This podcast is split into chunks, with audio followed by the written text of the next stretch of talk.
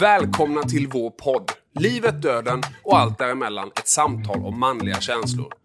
Vi är så tacksamma för att kunna presentera ett antal partners redan säsong 1. Tack till Stanley Security som har tagit fram produkten Stanley Interactive. Stanley Interactive är vår smarta säkerhetslösning skräddarsydd för små och medelstora företag. Med professionellt hanterad säkerhet, tillträdeskontroll, videoövervakning samt energihantering kan du känna dig trygg med dina lokaler och tillgångarna är säkrade var du än är. Tack också till Mercedes vi har åkt omkring i en Mercedes EQC, en fyrhjulsdriven, helt eldriven SUV med oslagbar kvalitetskänsla och komfort.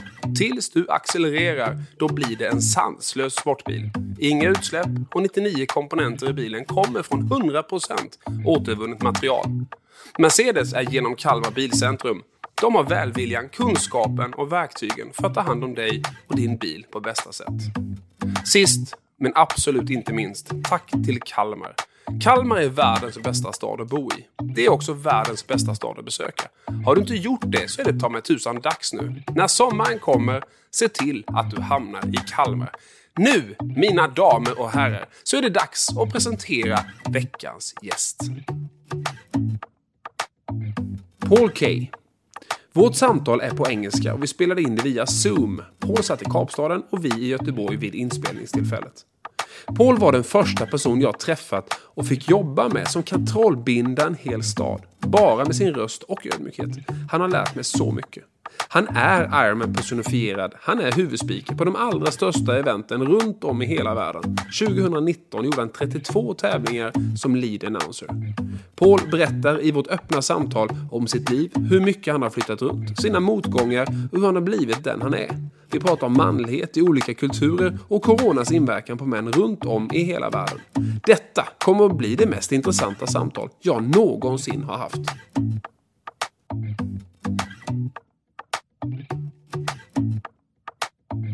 What's wrong with boys that we can't admit? It's okay to talk, you don't need Hi, and welcome to this program this week of the pod Life, Death, and Everything in Between. Talk about male uh, feelings. We have our first international guest here today, and he is uh, back down in Cape Town, South Africa. Welcome to the podcast, Paul Kaye. Thank you, Bjorn. Very nice to have me on board. Uh, interesting to be doing a, an interview that, like you say, is international, yet uh, I would imagine 99% of uh, your listeners and your viewers will be Swedish. So, hey, Tjena! Tjena! Fantastiskt! We've been working together. You know a little bit of Sweden. You know a lot about Sweden, actually, and we are going to talk about that a little bit later. But we are all always defining uh, our guests' superpowers. Uh, and I will uh, define my way of seeing at you uh, in a short while. But first, we also have this no button. Uh, so you can push the no button. Listen here. No! But if you don't want to answer a question, you can say, hey, push the no button. You only have one no not one and a half, not two. You have one no. So whenever you want, if you don't want to answer a question, you just say, hey, push the no button, and I will. No. Okay, that's one of the standard rules here. My definition yeah, yeah. of you, Paul, is uh, and your superpower is you're coming to new cities all around the world every week, seeing everyone. Your humble way of leading and your total passion of the brand and yourself. You create life changing events around the world and still your eyes are talking about teamwork. This is how I see you from one point of view. What do you say when I say that? Well, that's very, very kind, and I'm humbled by your description. Uh, but it's way too much about me in that. Uh, I don't create any of those things. The Ironman race or these huge endurance events, Vasaloop, Advatarunten, Comrades Marathon, London Marathon, whatever the case may be, they're already the platform for life changing events. And people choose events like that because something's missing in their life. Uh, maybe they feel they need to be challenged. Maybe they need to be distracted. Maybe they want to feel like more than who they are. They're not happy with who they are. Maybe it's an excuse to get off the couch, an excuse to leave work a little bit earlier. Maybe it's a way to socialize with people they've never met before. Uh, my role is the way I see it is, is to acknowledge what they're doing, to acknowledge their journey, and to remind them about the beautiful goal at the end of this journey to to dilute the nerves be, before the race, to to give them a little bit of an injection of energy before the race starts itself, and then to be there on the finish line and look them in the eyes and celebrate their incredible achievement. And and I can understand that to a degree. You know, I like to view it as the bow on the top of a beautiful gift. You know, so yeah. I'm I'm the bow. Uh, I'm the exclamation mark at the end of a wonderful sentence, proclaiming their achievement. But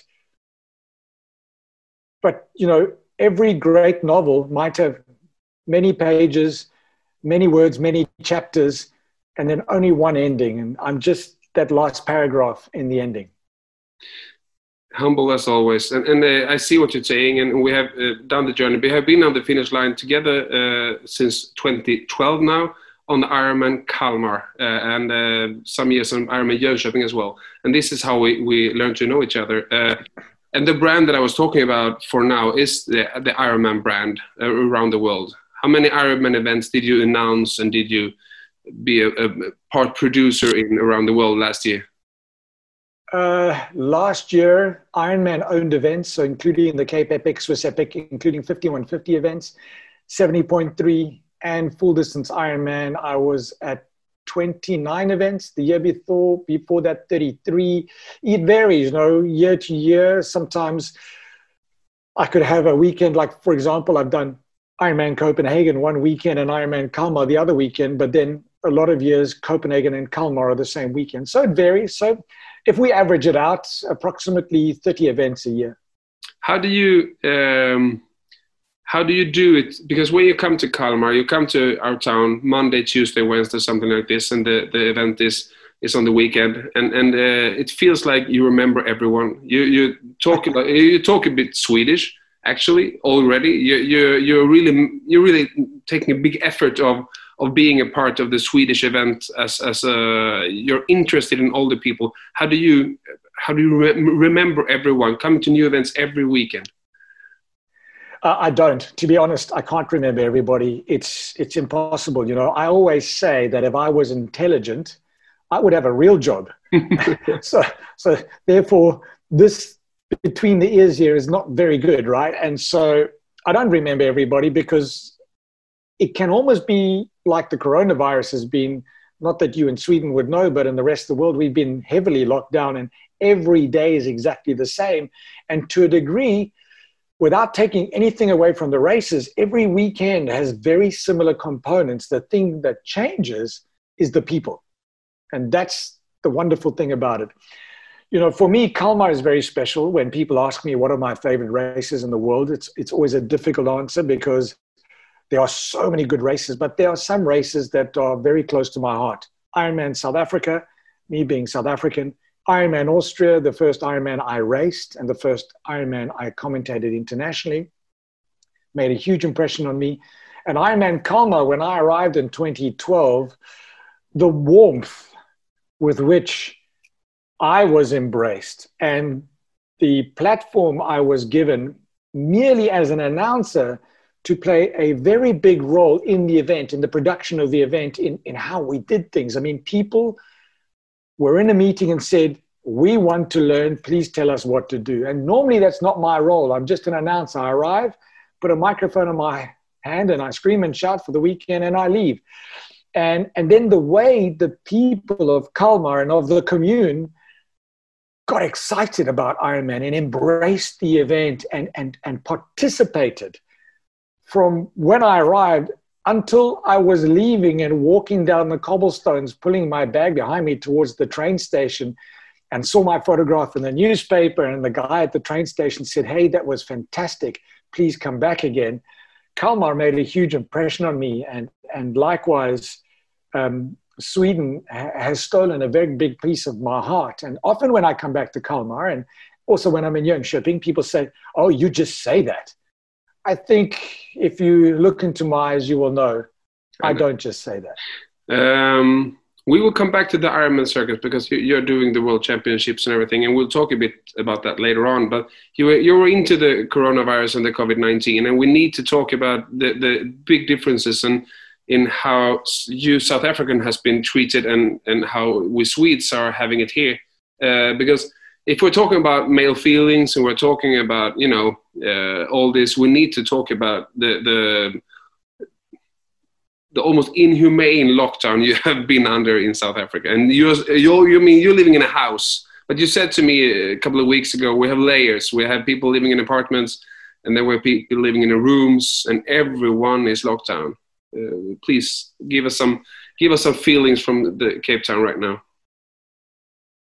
Well, firstly, I need to tell you that I'm I consume a huge amount of international news, and especially during our lockdown. Now we're into the end of our third month of hard lockdown. Prior to that, we had 10 days of what we call a soft lockdown. So this country, South Africa, has had the longest lockdown of any country in the world so far during the COVID 19 coronavirus. Um, but I have to say that consuming international press and seeing how different countries have handled it, be it the United Kingdom, be it the USA, be it Germany, be it New Zealand, who gets a lot of good press. Sweden has got a lot of good press from the people who look to an example of why you shouldn't lock down.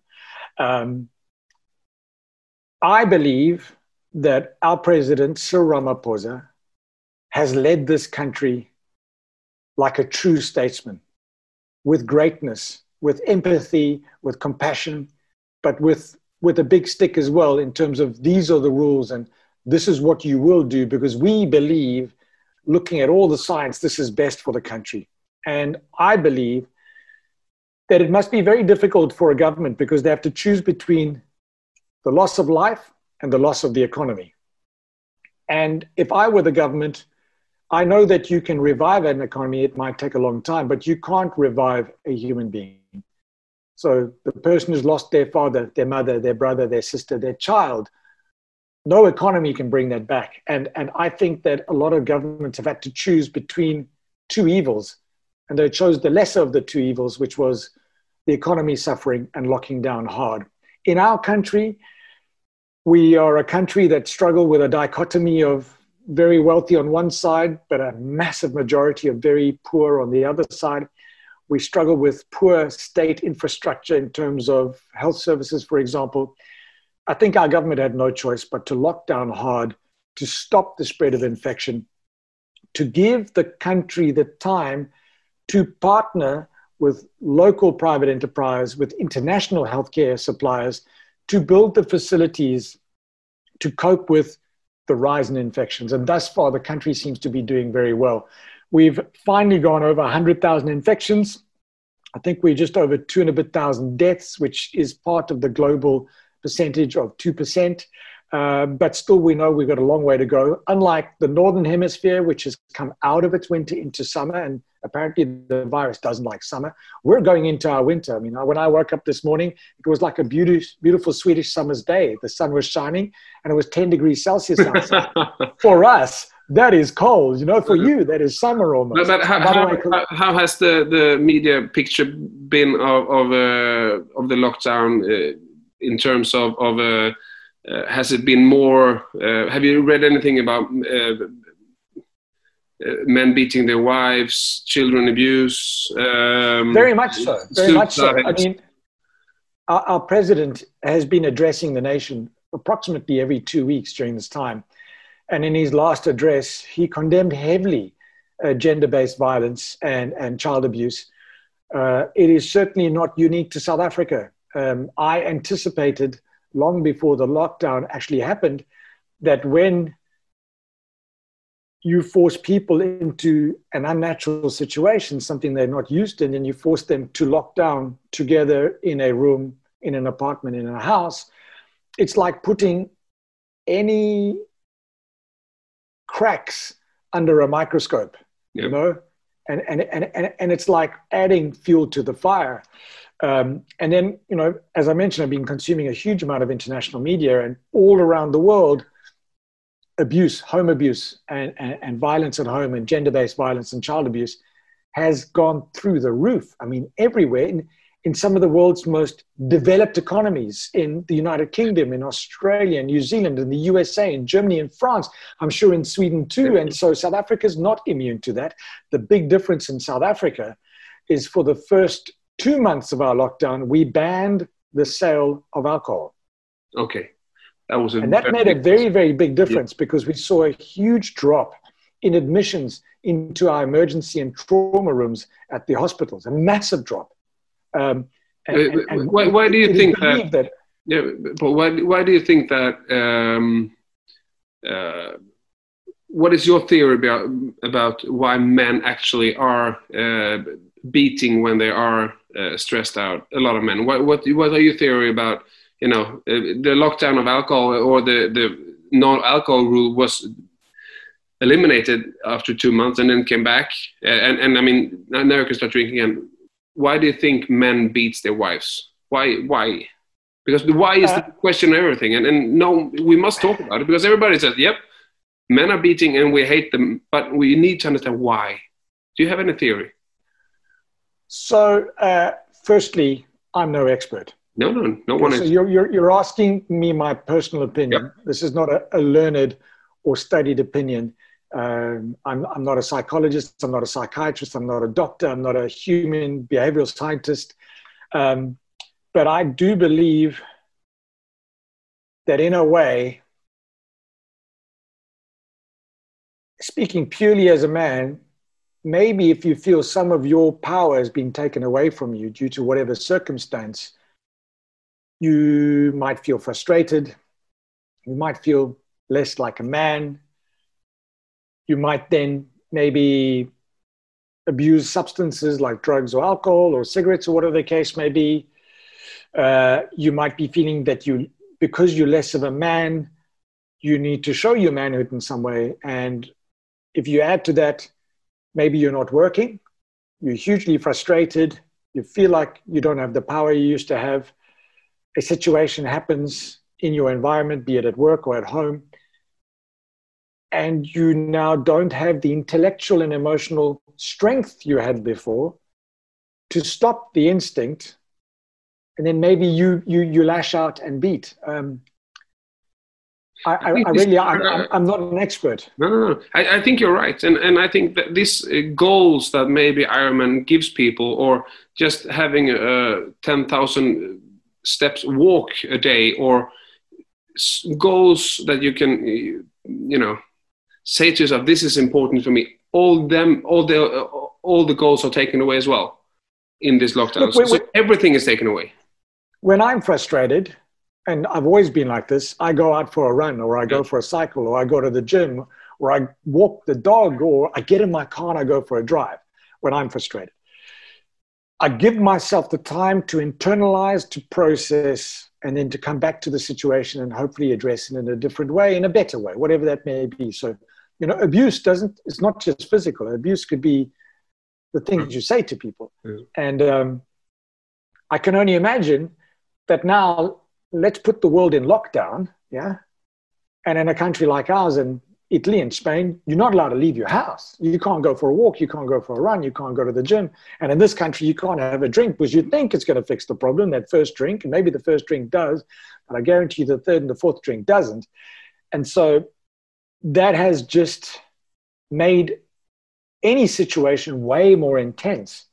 And, and, and I think if, if, if, you, if you go and you Google and, and, you read the international media, if you read The Guardian in the UK, the New York Times uh, in the US, and you read the Australian, the New Zealand, the German newspapers, the French newspapers, and if you Google domestic violence, you'll see there's been a huge increase during lockdown. And I can only imagine that not being able to go to work, feeling that your life has no meaning, and not having potentially a physical release for whatever frustration you might be feeling is a recipe for disaster. Um, let us leave the COVID 19, let us leave all that and, and uh, talk about more about Paul Kaye. Uh, who was Paul Kaye 10 years old? Who were you? I mean, uh, how did you grow up? Uh, your parents? Tell us a bit uh, about you as a child. German father. He was a part time jazz musician and worked in the photographic industry. South African mother from Zimbabwean and British heritage, um, born in on the east coast of South Africa in Durban, lived there for six years. At the age of six, moved to Johannesburg because my dad got a new job. At the age of eight, he turned about, I think he was about to turn 40. He was hating Johannesburg and he got offered a job in Tokyo. The 10 year old Paul Kaye was living in Tokyo in a small suburb called Tomigaya, which is part of Shibuya-ku, which is whenever you see pictures of Tokyo, you know, you see the, that very busy crossroads where everybody's crossing the road. That's Shibuya. It's like a shopping district. It's very close to the old Olympic Park, and uh, I live very close to that. So I was a 10 year old boy living in a city of 13 million people, uh, going to a Canadian international English language school. Okay. German father, South African mother, living in Tokyo uh, with an international school. I mean, did you have any friends? Did you have any real friends at that time, or, or I mean, you had moved three times already. Uh, how how what did you do when you were not in school? My best friend, his name was Anas Kiba. He was a Dane, so my best friend at school was Danish, Anas, and uh, that's where I learned to pronounce. You know, the Danish. You you you swallow the D. Yeah. So. Uh, and and that's how I was introduced to ABBA because his brother Bjorn loved ABBA. So anyway, long story. Um, I don't admit that I listen to ABBA now, except to my Swedish friends. Um, left Tokyo in 1982 when I was just before I turned 13. But for me, my my five years in Japan in Tokyo were absolutely amazing, life changing experience. I didn't realize it then, but I realize now as an adult looking back whilst living in Japan, we got to travel quite a bit. I have a, an intellectually challenged sister, so there was no schooling for her in Japan, so she went to school in the US. So we traveled to the US quite a bit. Uh, we traveled around Japan quite a bit. Um, I learned to speak Japanese. So at the age of nine already, I was fluent in German, Japanese, and English. Um, and my parents made the extremely wise decision to not live in like a a British or a German or a French or an American neighborhood, but to live in a completely Japanese neighborhood in a tiny Japanese house surrounded by Japanese neighbors. And so my, my best friend was Anas, but my best Japanese friend was Tomo. And so I got to live like a Japanese, even though I was the, the gaijin, which is the Japanese word for yeah. foreigner. And sometimes when I misbehave, I was the gaijin, the terrible foreigner. But um, I got to live the Japanese life for five years. And, and I learned probably the biggest thing I learned there, and I don't know if that that was your question, but I'm going to give it to you in any case. Without me realizing, I learned that in Japan, it's about us, it's about we, not about me. It's about the individual can only rise as high as, as, as the total, as the community. And, and I learned about the power of community, the power of team. I learned that the CEO of, of in the 10th floor office of this big building walks outside and bows and greets and respects the person sweeping the street because he knows that that person sweeping the street is making the front of his building look good, look good and the person sweeping the street knows that because this man is running this business well this business exists and he has a street to sweep you know and that that sense of one community and that respect and that honor is is something I learned in Japan and, and that had a huge impact on me.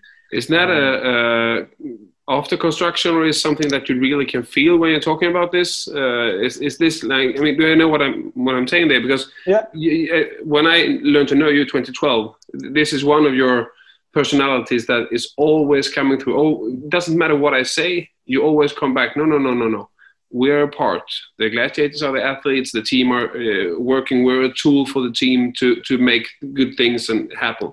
Uh, so, so, what you're talking about in Japan is, that an is that something that how, how, okay? What age did you feel that you got that uh, knowledge brought to you in Japan? Only, only, only as an adult. I think mm-hmm. I only realized that when I was working and I and I started working with in a team and then managing teams did I realize that that was my philosophy. And now, in this current world where our, we are threatening to change the climate, we are having massive impact on our environment.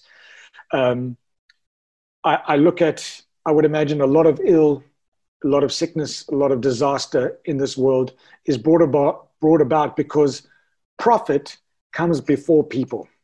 And it should be other way around. It should be people come before profit. It should be we come before me. Why should a company that makes hundreds of millions of dollars profit need to make billions of dollars of profit. Is $100 million not enough? Because to now make a billion dollars of profit, they need to compromise somewhere. They need to hire cheaper labor. They need to compromise on the materials they use. They may be polluting the river more and the sea more or less. And so, and I've been questioning that a lot. When is enough enough? And uh, why can't it be about we and not me? Do you have, uh, thank you. Uh, do, do, you have uh, con contact with your sister and parents today? Are they alive? Yeah, my sister, uh, I'm the sole guardian for my sister. She stays in, in a special home for intellectually uh, challenged adults, only a 45 kilometer drive from where we live. Unfortunately, her lockdown started earlier because South Africa saw that globally uh, the biggest impact of the virus initially was in care homes mm. and in old age homes. South Africa locked down the care homes before lockdown happened. So I haven't seen my sister since February.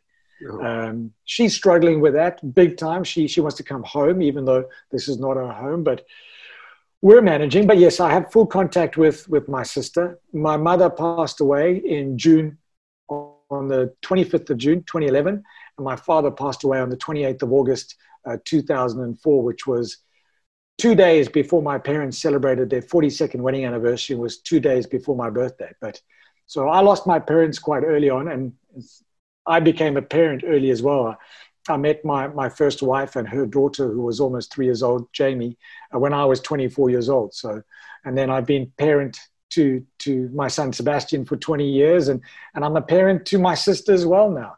Because top three events, all, all the the people I interview have, have to to give me some some uh, you know uh, bullets so, so, before the conversation of course and top three events is is getting uh, no becoming a father uh, and getting married and finishing an ironman if we start with becoming a father your when you were a child you were moving a lot you moved from japan as well and you moved uh, to a new place and a new place and a new place um, how was it to becoming a father for the first time for sebastian you know, I'm very blessed to have had amazing parents. And I've always said that if I can be half the parent to my kids that my parents were to me, I will do a good job.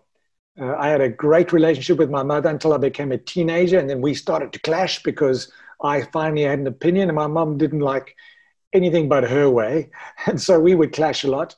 I had an incredible relationship with my father. My father was my best friend. Um, I used to go with him to all his, his gigs when he was playing guitar on weekends. I used to, on my school holidays, go with him on his trips when he was seeing his clients. Um, and then I actually joined my dad in his business, and we lived together in an apartment. We were housemates, my dad and I.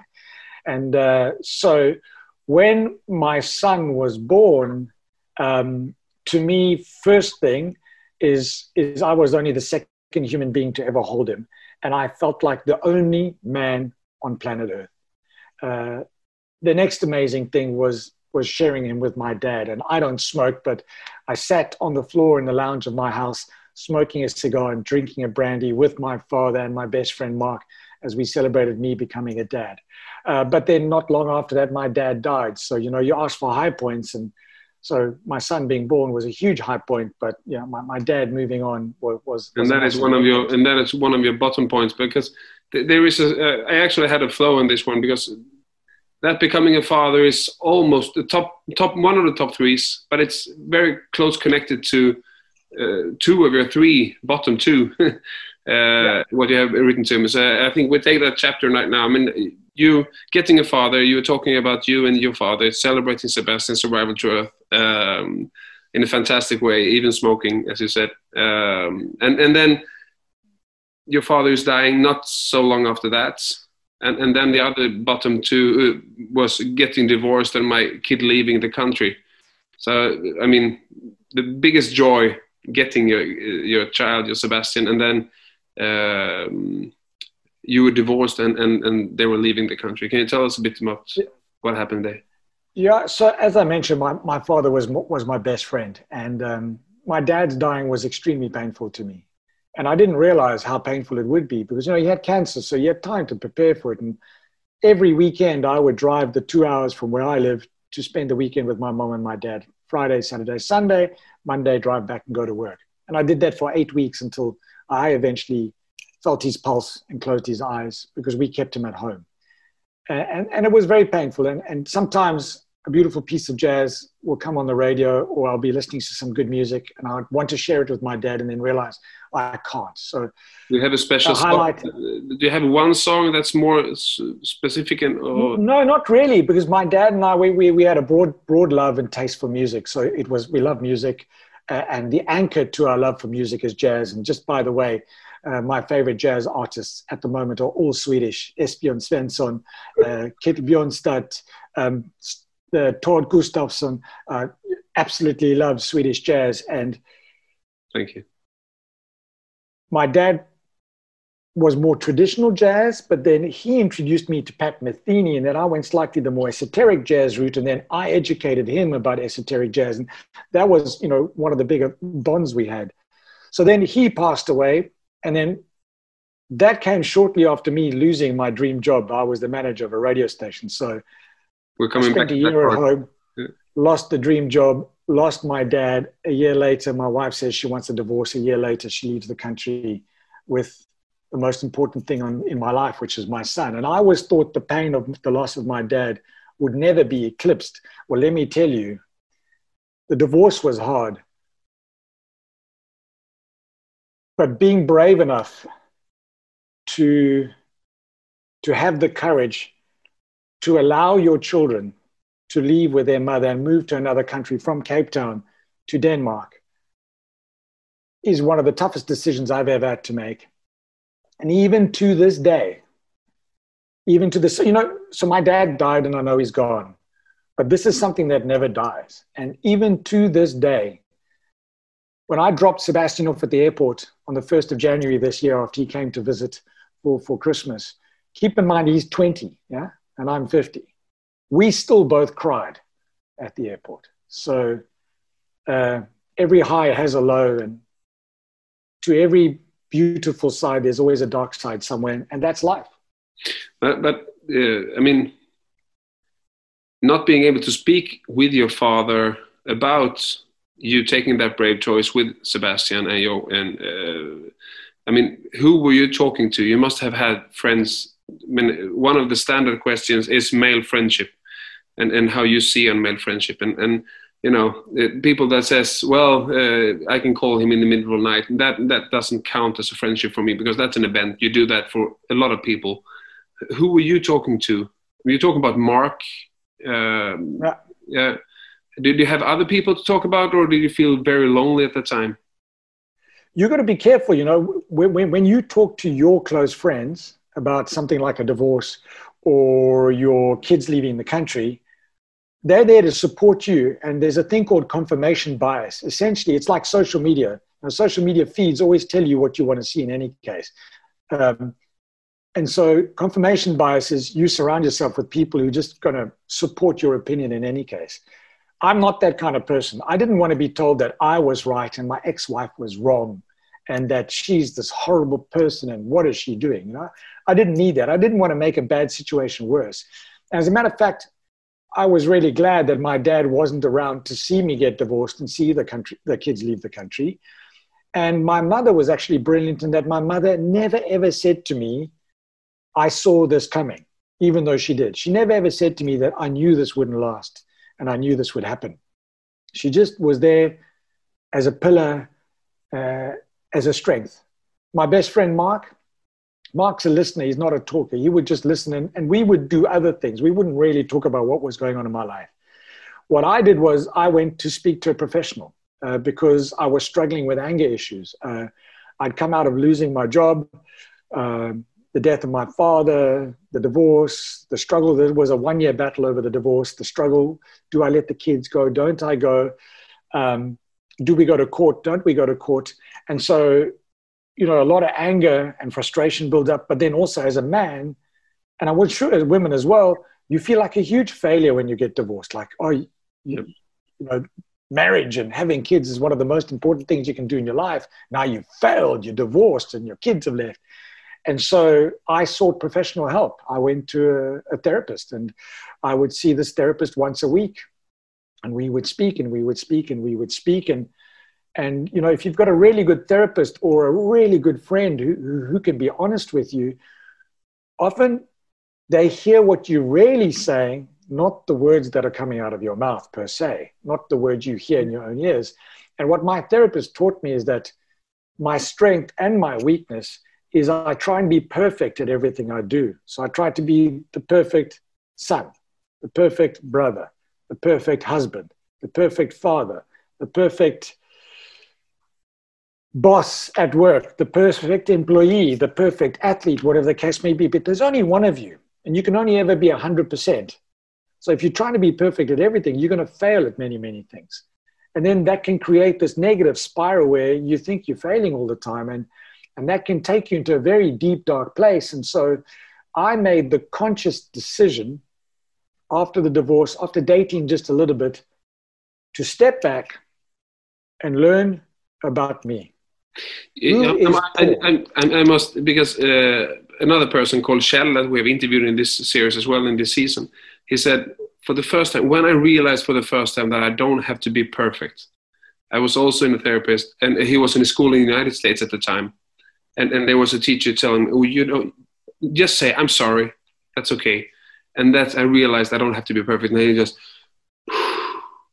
life got Look, so that, much that doesn't mean that doesn't mean that you don't have to try your best. No, no, no, no. But you don't have. And a lot of people use that as an excuse. You know, they think, "Oh, I, I can't be perfect, so I'm not going to try be my best." You always need to give a hundred percent of yourself into what you're doing, and you've got to do your best. But sometimes to do your best, you need to stand back and you need to understand who you are. And I spent two years not dating. I spent two years hardly seeing any friends. I spent two years trying to understand who I am as a human being. I spent two years getting rid of the fear of being lonely. A lot of men and women in relationships because they fear being on their own, not necessarily because it's the right person. And I spent two years trying to understand what were my strengths, what were my weaknesses, what did I like about myself, what didn't I like about myself. And then of the things that were my weaknesses and what I didn't like, I tried to understand what could I change and what couldn't I change accept what you can't change and minimize your bad points by accentuating your good points. And one of the greatest things I learned was that I tried too hard to be liked by everybody. And in the process, I gave too much of myself. And then people started to take advantage of me. And the more they took advantage of me, the more I resented them, and the more this created a bad uh, relationship.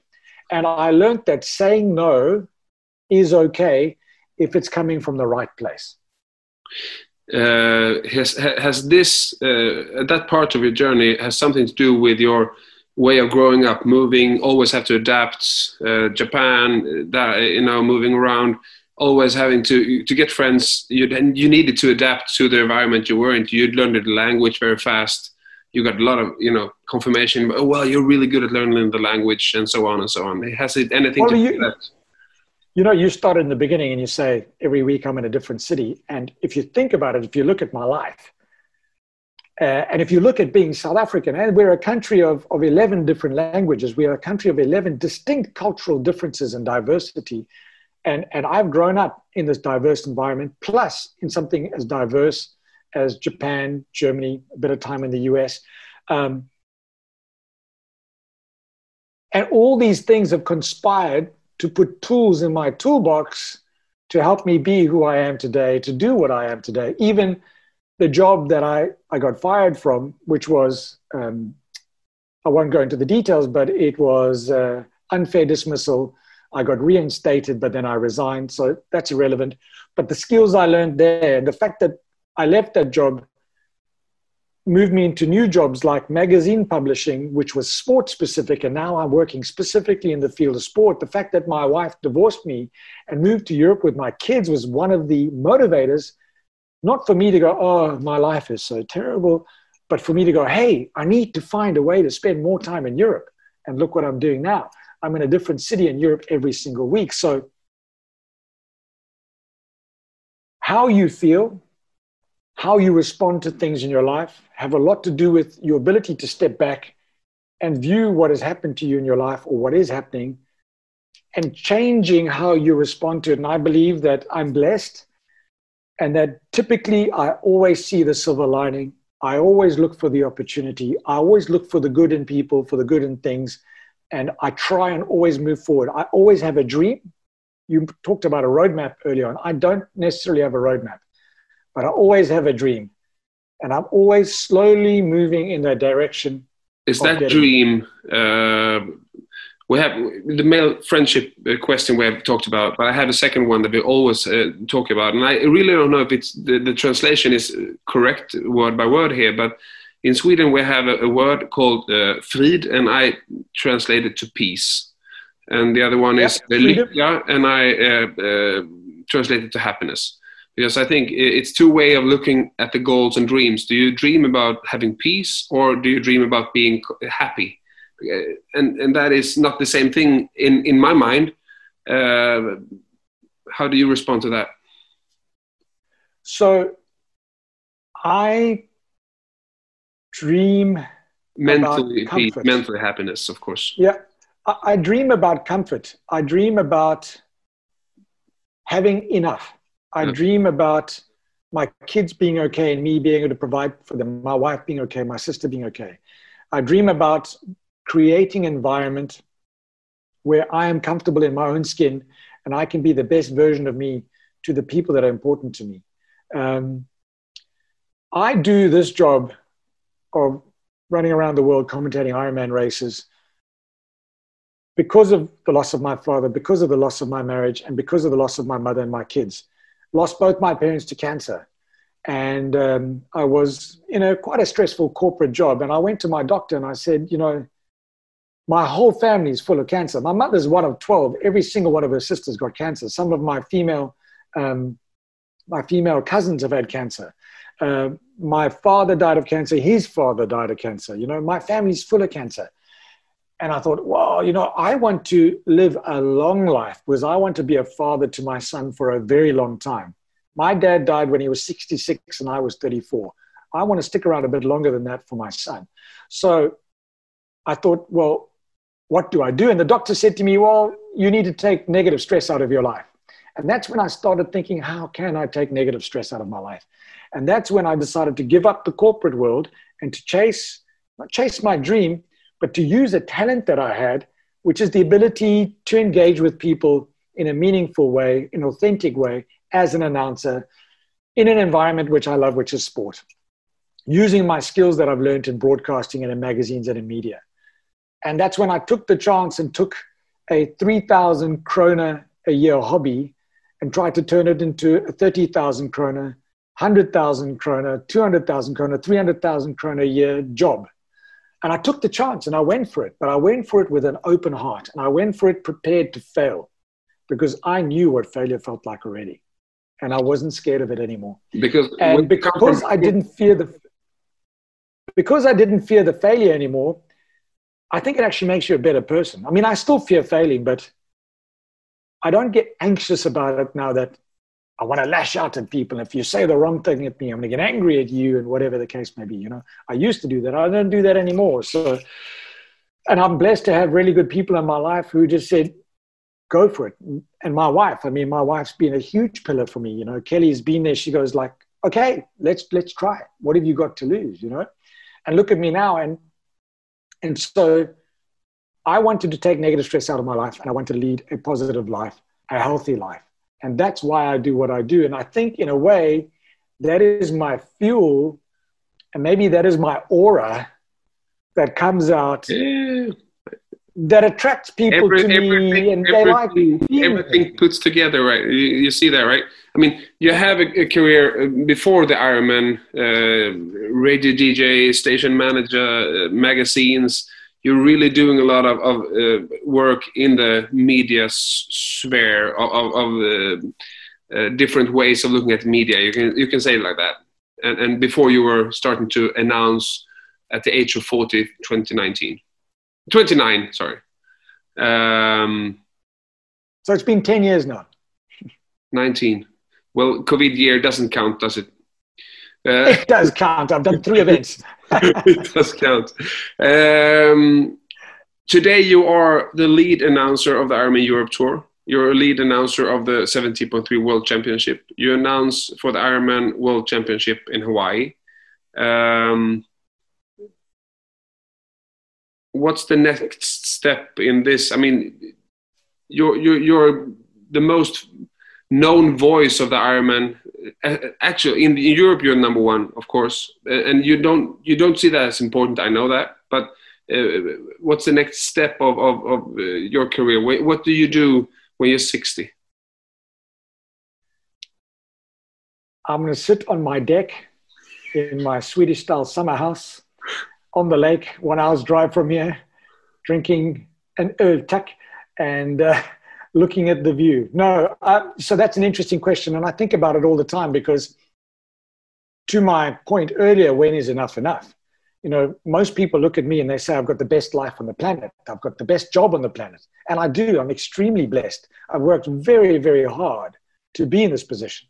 And you know very well, I work very, very hard for every single event. I take nothing for granted. You know, people say, oh, it comes easy to you. You know what? To make things come easy, you have to work very, very hard at your skill, at your art all the time. Right now, I'm using all my knowledge and everything I'm learning and everything I have learned and past experiences to create new ways of doing what you and I do and what I do with all the other announcers at Ironman races around the world. If we can't be in a big tennis hall to, to do a race briefing, to have a meal together, if we can't be there to do the slot allocation and the award ceremony, and if we can't have grandstands on the finish line, how do we still engage all the spectators? How do we create this, this atmosphere of, of celebration for our athletes? And so I use my time now to think about that. And in a way, maybe that is extending my career. Yep. Because now it can move me from the very physical screaming and shouting and going crazy on the finish line to a more less physical, more um, sedate way of engaging with athlete and with, with, with the stakeholders like spectators via online radio, live streaming commentary of the races, etc. And so a lot of people have come to me and say, oh, you're the next Mike Reilly. And I go, no, no, no, no. Mike Reilly is the next Mike Reilly. Reilly is the announcer, the lead announcer of the World Championships in Hawaii. Yeah, he's the man who invented the words "you are an Iron Man," and so, but but I see myself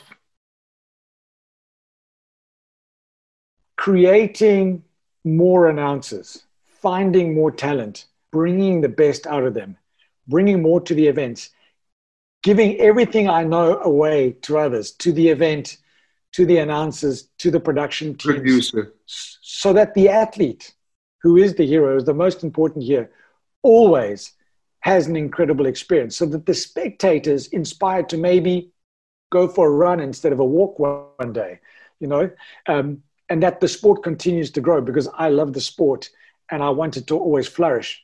I don't want me to flourish, but potentially the more the sport flourishes, you know, the more I'm going to flourish as well. So at the age of 60, I think I will still be in the world of endurance sport and triathlon. I think my role will be less on the magic carpet, more in the studio. That's what I think. You host a lot of life stories in your mind and in your body, in your soul. Um, how do you how do you handle all these stories that comes to you before every race? Every every people that send you messengers. Uh, you get them via email. Uh, we have the cancer story. We have the disability stories. We have uh, I was uh, addicted to drugs, um, or just people wanted to to make a, a challenge for their life with no uh, bad story at all. But you get all these hundreds of stories to every race. Uh, how, how do you handle that? Everybody's got a story. You know, everybody on the start line, they they've got a story we don't always know about them. They're not all as obvious, like as a physical disability or something like that. I spend quite a bit of time before every race reading through the athlete entry list in that where they've given their individual stories. And like you mentioned, same as with you, people reach out to me directly. I spend a lot of time speaking to athletes at the venue, and, and in the process of speaking to them, you learn something about them. I have stopped trying to remember the entire story and every story because in the process of trying to remember the whole story and every story, sometimes you forget stories. I've realized that every story is important and every athlete is important, and you can't focus on one story to the detriment of another story or another athlete. And so, what I try and do, not just during the race, it, when that person's sharing their story with me, I take the time to care. And I think that's the most important thing. And when I encounter that person in the race, if I'm physically able to relate a bit of that story, I do so. But the least I do is I make eye contact and let them see that what they do is special and that it means something to me because you know it's a long day at an ironman you know we waking up at what four o'clock in the morning and yep. we're going to bed at at one o'clock the next morning it's 21 22 hours of flat out working and and a lot of people wonder i'm sure they ask you too where do you get the energy from i get the energy from every single one of those stories and some people fail but the amazing thing that i see at the endurance races i work at i've never seen somebody fail and not come back again to succeed. And that is the power of the human spirit that is so incredible. And if you look at that, and let's just look back to COVID 19 right now, I see the power of the human spirit every day all around the world. And despite a lot of the negative that the, the, general news media want to put out there and social media put out there, I know that a lot of good will come from this too.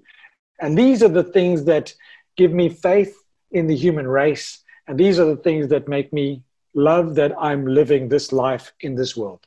If we connect the, the child that moved from country to country with uh, parents working with very different things, your, your sister, um, all this, as you said before, language knowledge and all the, this looking people in the eye. I had a part of my superpower about you that uh, your eyes are talking about teamwork uh, you said to me when you looked at adult at Japan, when you lived in Japan, that was uh, one thing that you probably learned there for, the most. When you look at your you as a person now, and you hear this life story, you, everything falls apart. Everything fall not falls apart. Everything comes together. That's what, what I'm trying to say. Fantastic. I want to to have uh, five minutes about talking to the, your most important person in life. We need to talk about Kelly, and we need to talk about your dog Kona, right? I mean, a conversation, conversation about you without talking about your wife and your dog is, is not possible at this time. We have talked about everybody else. How did you meet Kelly? You know, you talk about team, and, and I think I just have to quickly digress because I think my parents instilled the sense of the power of coming together as one. Uh, we were always a very close family. I mentioned my mother had a lot of sisters, so I had a lot of cousins. We didn't need friends, we had so many cousins we are always together. We were close. Um, and then I look at my family and how I was brought up. I look at the, the, the experience in Japan. I look at the sports I played at school. I played, I was not an individual athlete. I played team sports, field hockey and water polo. I was never good to be the best, good enough to be a solid contributor to the team. When I was at the radio station, I preferred to hire good radio DJs rather than one or two of the best DJs because I believed sometimes a superstar breaks the team, uh, but a strong team can can rise higher than one star on their own. Um, and and a huge strength in my team is Kelly. And Kelly came about my life uh, not long after that two year period when I said to you that I took a break from life. And in that two year period, I was a very unhappy person. There were times when I wanted to drive my car into a wall and kill myself. There were times when I would lose my temper very badly with my children. There were t- a lot of times when I wasn't happy with the person I was. And I was working through that. And fortunately, with a really good support structure, my friend Mark and his wife and, and, and his two little daughters, who are my goddaughters, who were my de facto daughters in a way because my kids were overseas. And, and I'd been working through this process. And I remember quite clearly, I think, I think the date was the 9th of February it was definitely February, yeah, 9th of February, 2009. I had a black Audi A3. I was driving to work in the magazine business. And I remember I stopped, I know the traffic light I stopped at, it was outside the traffic department. I stopped at the traffic light and uh, we, we sit on the right hand side in South Africa and drive on the left. So I'm, the, I'm sitting on the right hand side of the car and I look into the mirror And in my mirror, I could see that my eyes were alive again. And I took a deep breath and I said to myself, You're back. And that's the week. Do you, do you remember this for real? 9th of February, 29. That's a yeah. fantastic moment, right? And I looked in the mirror, my eyes were alive. And I realized that this tough part of the journey I'd been on, I'd come through it. I wasn't perfect by any means yet. I wasn't healed, but I was alive again. And I was feeling good. And I think that was a Monday or a Tuesday. And then I met Kelly on the Thursday. We went on a date on the Saturday. She had dinner at my house on the Sunday. And on the Monday, she moved in. And we haven't been apart since. That's fantastic. So 11 years this, uh, yeah. when is it? So let me this. And you, and you, and you know what it's like. I mean, it's it's a. I mean, you, you were a professional football player, and I'm sure you remember clearly times when there were people in your team who, who you got good energy from, and the whole team played better. And when there were people in your team and you got bad energy from them, and the team didn't play well, you know. And so, you know, my wife Kelly, she's she's a huge part of the good energy in my life, and and and helps me be a better person. And and, and we need to be man enough to be fragile enough, to be vulnerable enough, to be weak enough, not in the negative sense of weak, to bring these influences into our life that help us be better. And, and Kelly is a major part of that to me. Thank you for sharing that. Uh, I have one last question, actually. One last little, it's a big question, but it can be small. Is it a big difference between the men in different countries where you come to? I mean, you are traveling around the world, literally, uh, experience the the Ironman. That is uh, one of the way, ways of, of having a big goal in your life and change your life and, and doing an Ironman uh, and hearing the words "you're an Ironman" at the finish line. Is the big difference between the men around the world when you look at them at the carpets? okay, once again, I'm not an expert, so it's purely my opinion, and, and, and it's it's a question out the blue that I haven't prepared for. But you know, culturally, we're different. I'm different to you. You know, we were brought up differently, different societies. Sweden, a very uh, inclusive, sort of social democracy kind of society. South Africa, a young democracy emerged out of apartheid on the you know the 27th of April 1994. I was brought up in in both spheres of this country. Um, in our country alone, the men have different roles and are revered differently depending on on which tribe or, or which culture they come from. Um, you, you look at men from countries where there's more equality between men and women versus men in countries where there's less so. You know, I, I, have I've worked in China, you know, I've worked in Australia, I've worked in in the Middle East, I work here in South Africa, I've worked in South America, I've worked in North America, I've worked all across Europe, uh, all six continents. And yes, you do see differences. Um, but I don't really get to see that difference of the man in his home or in his workplace. You know, I see I see the man with his family and his friends generally at the race, and, they, and and when you see it like that, you don't you don't see the really real big differences because in those moments you're seeing friendship and you're seeing family love and you're seeing support and you're seeing team because the people who are doing this race, you know, you might race it as an individual, but it's your team, be it your family or your colleagues, your friends or whatever, that help you get to that start line. So I don't see the huge differences per se Although that said, you know, Ironman, the average participation, you're looking at about 75% female, uh, male, 25% female, average across 70.3 in Ironman. So it is a male dominated sport. You see a lot of testosterone, you see a lot of ego. Uh, but often what I notice, um, ego can be very fragile. It's like a helium balloon, a gentle prick, and uh, all the air is gone. And, and so deep down inside, we're all still human. We all cook with water. And uh, I think if we all take a little bit more time to look at who we really are, not at who we think we are or who we want others to think we are, I think uh, we'll all be better men for it and the world will be a better place. I mean, if you just look at the responses to the virus, Um, if you take what the, the, the, modern media is saying and, and, the mainstream media is saying, the countries that have uh, seemingly, at this young stage of the virus, dealt with it best are the countries with female leaders. And the one thing I believe women are better at than men, generally speaking, is empathy.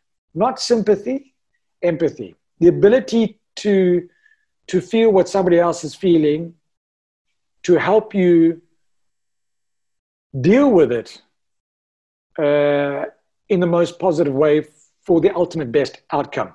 Ultimate best outcome, not best outcome now. So I think if men are prepared to not be weak, but prepared to get in touch with their feminine side, maybe, and, and develop more empathy and less about being right and being the big, strong man and I will win, uh, this world will be a better place. That is the last word of this conversation in the pod life death and everything in between. Uh, talk about male feelings. Thank you Paul Kaye for joining us at this pod. Um, thank you for uh, opening your home and opening your heart for us. And thank you for sharing all the stories and, and the ups and downs in your life. You have been fantastic to talk about um, and with. Thank you very much for joining us. Thank you. Tack. Och till alla er där hemma um, Det här var sista avsnittet av säsong 1 av Livet, döden och allt däremellan. Ett samtal om manliga känslor. Sista säsongen, höll jag på att säga, men sista avsnittet i säsong 1. Vi kommer tillbaks med säsong 2, det vet vi. Tack så hemskt mycket för att ni har lyssnat. Tack så hemskt mycket för att ni har tittat. Och hoppas, hoppas, hoppas att ni har haft lika härligt som vi har haft. Att ni har lärt er lika mycket. Och att ni faktiskt har tagit till er lika mycket som vi har fått möjlighet att göra. Tack, tack, tack för er tid Hoppas, hoppas, hoppas att vi syns och hörs snart igen. Jag och Max säger ciao! Livet, döden och allt däremellan ett samtal om manliga känslor. Vi är så tacksamma för att kunna presentera ett antal partners redan säsong 1. Tack till Stanley Security som har tagit fram produkten Stanley Interactive. Stanley Interactive är vår smarta säkerhetslösning skräddarsydd för små och medelstora företag. Med professionellt hanterad säkerhet, tillträdeskontroll, videoövervakning samt energihantering kan du känna dig trygg med dina lokaler och tillgångarna är säkrade var du än är. Tack också till Mercedes vi har åkt omkring i en Mercedes EQC, en fyrhjulsdriven, helt eldriven SUV med oslagbar kvalitetskänsla och komfort. Tills du accelererar, då blir det en sanslös sportbil. Inga utsläpp och 99 komponenter i bilen kommer från 100% återvunnet material. Mercedes är genom Kalmar Bilcentrum. De har välviljan, kunskapen och verktygen för att ta hand om dig och din bil på bästa sätt. Sist, men absolut inte minst, tack till Kalmar. Kalmar är världens bästa stad att bo i. Det är också världens bästa stad att besöka. Har du inte gjort det så är det ta mig tusan dags nu. När sommaren kommer, se till att du hamnar i Kalmar.